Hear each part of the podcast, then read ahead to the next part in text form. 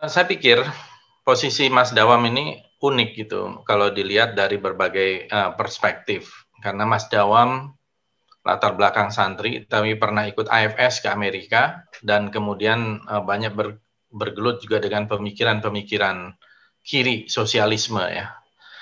Jadi dalam hal keagamaan misalnya Mas Dawam bisa dianggap liberal mungkin ya karena sesekali mendukung uh, termasuk liberalisme di dalam beragama, tetapi mungkin agak berbeda dengan jaringan Islam liberal. Dalam hal kekirian, uh, Mas Dawam itu memang sangat membaca dengan cukup dalam tentang Marxisme, sosialisme. Pertemuan dari berbagai macam latar belakang ini mempunyai posisi penting uh, Mas Dawam sebagai pemikir yang memang berdiri sendiri dan saya kira itu adalah sebuah artefak intelektual yang penting dari seorang Daum Raharjo. Assalamualaikum warahmatullahi wabarakatuh. Salam sejahtera bagi kita semua. Saya merasa terhormat untuk ikut uh, mendukung kegiatan launching buku sosialisme dari Utopia ke Indonesia karena ditulis oleh Mas Dawam Raharjo Profesor Dawam Raharjo yang kita kenal sebagai seorang yang merupakan pemikir besar di Indonesia dan saya kira itu adalah sebuah artefak intelektual yang penting dari seorang Dawam Raharjo. Uh, saya melihat uh, uh, Mas Dawam ini adalah seorang pemikir yang besar, paling tidak ada di tiga keilmuan gitu ya. Pertama di lingkungan uh, ekonomi, ilmu ekonomi karena ini tentu karena latar belakang pendidikannya, di lingkungan sosial, karena dimensi pemikiran, uh, pergaulan, termasuk saya kira eksplorasi yang luar biasa uh, terhadap pemikiran-pemikiran sosiologis dan ideologis gitu ya. Dan juga uh, yang menarik juga di kajian keagamaan, karena latar belakang seorang santri, dan juga uh, saya kira keterlibatan di dalam pemikiran-pemikiran keagamaan, kemudian juga waktu itu pernah di Elsaf, saya masih mahasiswa. Uh, saya ketemu Bang Fahri Ali ini sejak saya masih mahasiswa mungkin tingkat satu waktu itu atau mungkin masih masih SMA gitu. Dan saya ikut uh, menulis waktu tingkat semester pertama kalau tidak saya saya menulis uh, untuk majalah Prisma waktu itu. Nah, uh, namun uh, saya pikir posisi Mas Dawam ini unik gitu kalau dilihat dari berbagai uh, perspektif. Karena Mas Dawam latar belakang santri, tapi pernah ikut AFS ke Amerika uh, dan kemudian uh, banyak ber, bergelut juga dengan pemikiran-pemikiran kiri sosialisme ya. Nah, sebagai ekonom dan pemikir sosial, uh, kalau kita lihat uh, bisa dibilang bahwa Mas Dawam ini mungkin kalau spektrumnya agak tengah atau kiri tengah mungkin ya boleh dibilang kiri tengah gitu ya.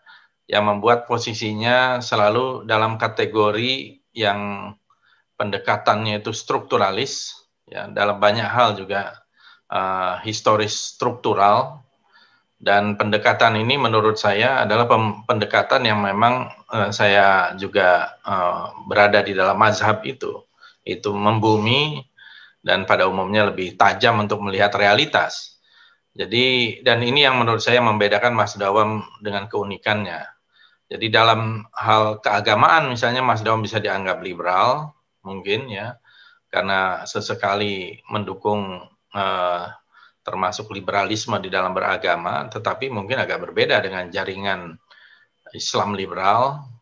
Dalam hal kekirian, eh, Mas Dawam itu memang sangat membaca dengan cukup dalam tentang Marxisme, sosialisme, tetapi Mas Dawam bukan seorang Arif Budiman gitu. Jadi uh, pertemuan dari berbagai macam latar belakang ini mempunyai posisi penting uh, Mas Dawam sebagai pemikir yang memang berdiri sendiri.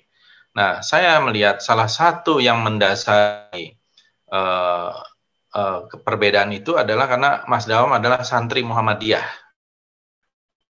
gitu ya karena santri Muhammadiyah ada teologi al-maun gitu ya, keberpihakan kepada orang kecil yang tertindas, keberpihakan kepada mustadafin. Dan ini yang menurut saya bisa menjelaskan kenapa posisinya Mas Dawam itu berbeda dengan uh, latar belakang uh, tiga kelompok tadi. Ia menjadi kiri karena melakukan satu advokasi dan pembelaan kepada kelompok marginal yang terpinggirkan dari wajah developmentalisme ya dan uh, di sisi lain di wilayah keagamaan dia juga pernah membela kelompok seperti Ahmadiyah, tetapi uh, bukan karena alasan teologis, tetapi persoalan membela hak dari kewargaan gitu ya. Yang ini yang yang yang saya lihat. Jadi uh, uh, ini posisi unik dari Mas Dawam sehingga meskipun uh, Mas Dawam ini membaca Marxisme sejak muda seperti yang ditulis juga di dalam banyak tulisannya termasuk di dalam pengantar buku ekonomi politik pembangunannya, ia tidak menjadi seorang Marxis yang ortodoks dan uh, ia tetap akrab dengan banyak wacana-wacana lain termasuk liberal keagamaan, tapi ia juga sangat kritis terhadap narasi liberalisme secara umum. Dan ini yang membuat posisinya Mas Dawa menurut saya istimewa gitu. Nah, kalau saya baca secara sepintas gagasan dari sosialisme-nya Mas Dawam itu ada beberapa hal yang yang menarik gitu. Pertama, eh, banyak orang yang mengira bahwa seolah-olah sosialisme itu hanya berdasarkan kepada Marxisme, gitu. Padahal eh, dalam pengalaman Indonesia tidak selalu harus kepada Marxisme, tetapi kita bisa melihat eh, sosialisme itu akarnya juga bisa dicari dari ajaran Islam. Dan ini yang menjadi catatan penting juga yang ditulis oleh Mas Dawam. Tidak ada pertentangan di situ. Pancasila misalnya menurut Mas Dawam adalah satu perwujudan atau pengejawantahan dari nilai-nilai sosialisme religius di mana agama mewarnai di dalamnya gitu ya. Nah, tahun kita tahu ada bukunya Hos Cokraminoto Islam dan Sosialisme itu ditulis tahun 24. Di situ uh, kutipan yang sangat terkenal dari Cokro Aminoto adalah dalam bahasa Indonesianya setiap muslim dengan sendirinya adalah sosialis dan karena kita adalah muslim yang baik maka kita dengan sendirinya adalah sosialis yang baik gitu ya. Dan kata-kata ini yang uh, selalu juga dikutip oleh uh, Cokro Aminoto. Tahun 51 ketika mengenang Cokro Buya Hamka menulis dalam uh, kutipannya itu dikatakan beliau dalam diskursusnya tidak mencela Marx dan Engels bahkan berterima kasih kepada keduanya sebab teori historis materialisme Marx dan Engels kata Buya Hamka telah menambah jelas bagaimana kesatuan sosialisme yang dibawa oleh Nabi Muhammad gitu. Jadi memang uh, to some extent Marxisme telah memberikan satu uh, kesadaran pada umat Islam tentang teologi sosial, gitu ya. Dan ini yang menurut saya menarik uh, ketika masuk di Indonesia, apalagi kalau kita mempelajari bagaimana masuknya sosialisme dan komunisme dan juga mungkin pada topik yang lain kenapa sosialisme dan komunisme di Indonesia tidak pernah bisa bersatu, bahkan bermusuhan.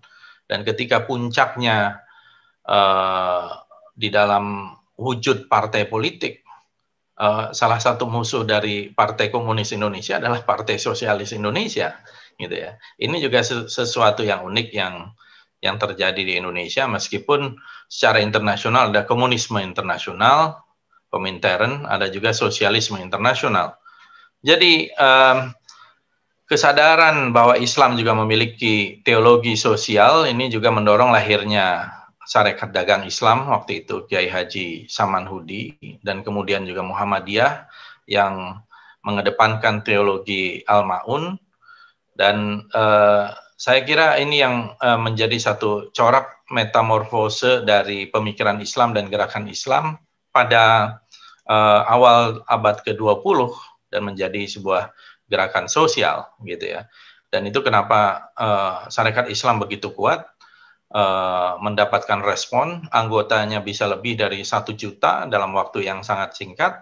Ya, agak berbeda dengan organisasi seperti Bung Tomo yang uh, banyak kan adalah priai dan elitis, uh, sementara syarikat Islam begitu luar biasa pesat. Dan ini juga yang membuat uh, waktu itu Snevlit dan kawan-kawan uh, kaum kaum komunis ingin mempengaruhi dan uh, kita mengetahui di dalam sejarah uh, syarikat uh, rakyat kemudian atau syarikat dagang uh, syarikat Islam merah dan sebagainya berkembang yang akhirnya menjadi golongan komunis.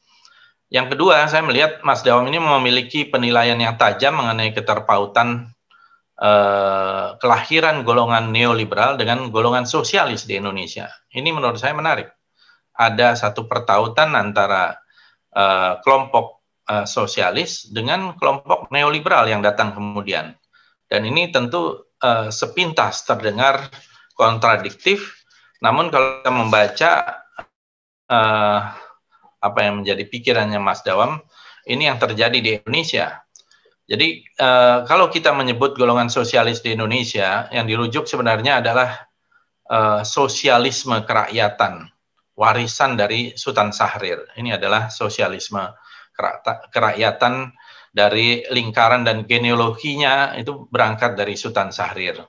Dan uh, puncaknya tentu pada waktu tahun 55 dan kemudian sampai tahun 60 adalah Partai Sosialis Indonesia. Kita kenal di situ ada Sahrir, ada uh, Hamid Al-Gadri, ada Sujat Moko, ada macam-macam uh, Subadio, Supar, uh, tokoh-tokoh yang luar biasa pemikiran-pemikirannya sangat maju bahkan melebihi zamannya gitu. Nah, yang dimaksud dengan Sahrir dengan uh, oleh Sahrir itu dengan kerakyatan tentu agak berbeda dengan yang dimaksud oleh Bung Hatta maupun Bung Karno dengan Marhain ya ada uh, setidaknya dua hal yang diasosiasikan kepada konsep kerakyatan oleh Sahrir itu adalah uh, menjadi intention dari konsep itu adalah partai politik dan yang kedua adalah uh, parlemen. Dan lahirnya maklumat X atau maklumat 10 yang diteken oleh Muhammad Hatta ketika itu uh, sebenarnya juga merupakan desakan dari Sultan Syahrir sehingga bisa melahirkan sebuah uh, partai uh, sosialis Indonesia. Jadi memang perjuangan parlementer dan perjuangan politik itu menjadi bagian dari uh, perjuangan kerakyatan Syahrir. Jadi uh, kita secara sederhana bisa melihat bahwa kerakyatan yang dirujuk oleh Syahrir bukan demokrasi uh, terpimpin atau demokrasi semi kolektivis sebagaimana yang dipikirkan oleh Bung Karno atau Hatta dalam hal yang berbeda gitu ya. Uh, tetapi sebuah demokrasi yang mungkin lebih mendekati sebuah demokrasi liberal gitu ya. Dalam bahasa yang lain, sosialisme kerakyatan adalah satu sosialisme tanpa marxisme. Karena uh, kita tahu bahwa Sahrir adalah seorang tokoh yang memang sangat tajam mengkritik uh, Marxisme. Saya baca masih SMA ketika itu kritik atas Marxisme dari Sultan Sahrir, sebuah buku kecil yang sangat tajam menurut saya dibuat oleh Sultan Sahrir.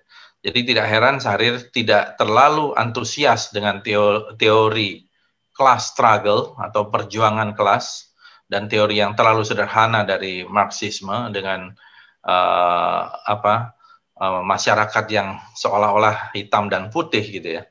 Dan uh, ini yang juga membedakan misalnya dengan tokoh-tokoh sosialis lain seperti Johan Sahrusah atau Muhammad uh, Tauhid ya yang uh, intens sekali dengan gerakan buruh atau gerakan uh, kaum tani. Jadi sosialisme uh, tanpa marxisme akhirnya tidak ada bedanya dengan satu kapitalisme humanis atau kapitalisme with human face gitu ya. Jadi uh, menurut saya inilah yang kemudian uh, bisa menjelaskan kenapa di lingkaran PSI di kemudian hari termasuk mungkin yang mereka yang mengaku-ngaku PSI itu uh, merupakan akhirnya bagian dari lingkaran kelompok neoliberal di Indonesia. Ini yang saya lihat dari pikiran uh, Mas Dawam Rahadio. Saya kira itu dari saya. Terima kasih. Wassalamualaikum warahmatullahi wabarakatuh.